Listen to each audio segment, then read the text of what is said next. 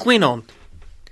Priscilla en haar man Aquila was Jode van geboorte, maar hulle name is Romeinse name. Nogal hoë stand Romeinse name. Maar hulle moes vlug toe keiser Claudius ongeveer 50 na Christus die Jode uit Rome verban het.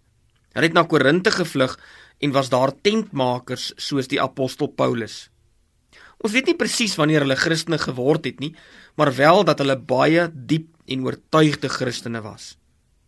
Die apostel Paulus beskryf Priscilla en haar man Aquila in Romeine 16 vers 3 as sy medewerkers.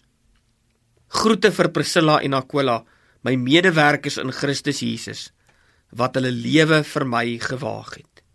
Priscilla was 'n vrou wat baie vir die evangelie van die Here gedoen het en selfs haar lewe vir die apostel Paulus gewaag het. Die Here het haar en haar man se desperate situasie gebruik om die Here se werk te doen. Haar en haar man se name het deur die geskiedenis weer klink as mense wat bereid was om ander te help, selfs al het hulle hulle lewe vir die apostel Paulus gewaag.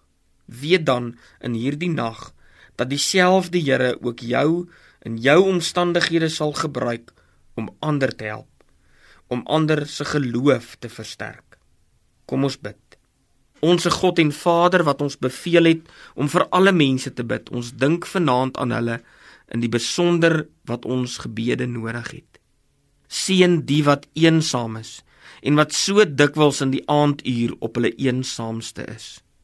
Seën Here die wat treur en wat in die aanduur die afwesigheid van die wat hulle liefgehad en verloor het, die diepste voel.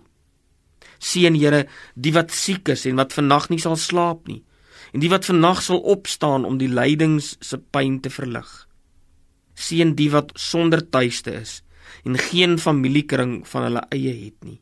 O God, U wat oral teenwoordig is, seën ons huis en help ons om te onthou dat Jesus altyd ons onsigbare gas is, sodat ons hier nooit iets sal doen of sê wat hom sal bedroef nie. Behoed ons in die donker ure van die nag en gee ons 'n soete nagrus. Laat ons bewus wees van die beskerming van die ewige arms wat rondom ons is en ons nooit sal laat los nie. In Jesus Christus se naam bid ons dit. Amen.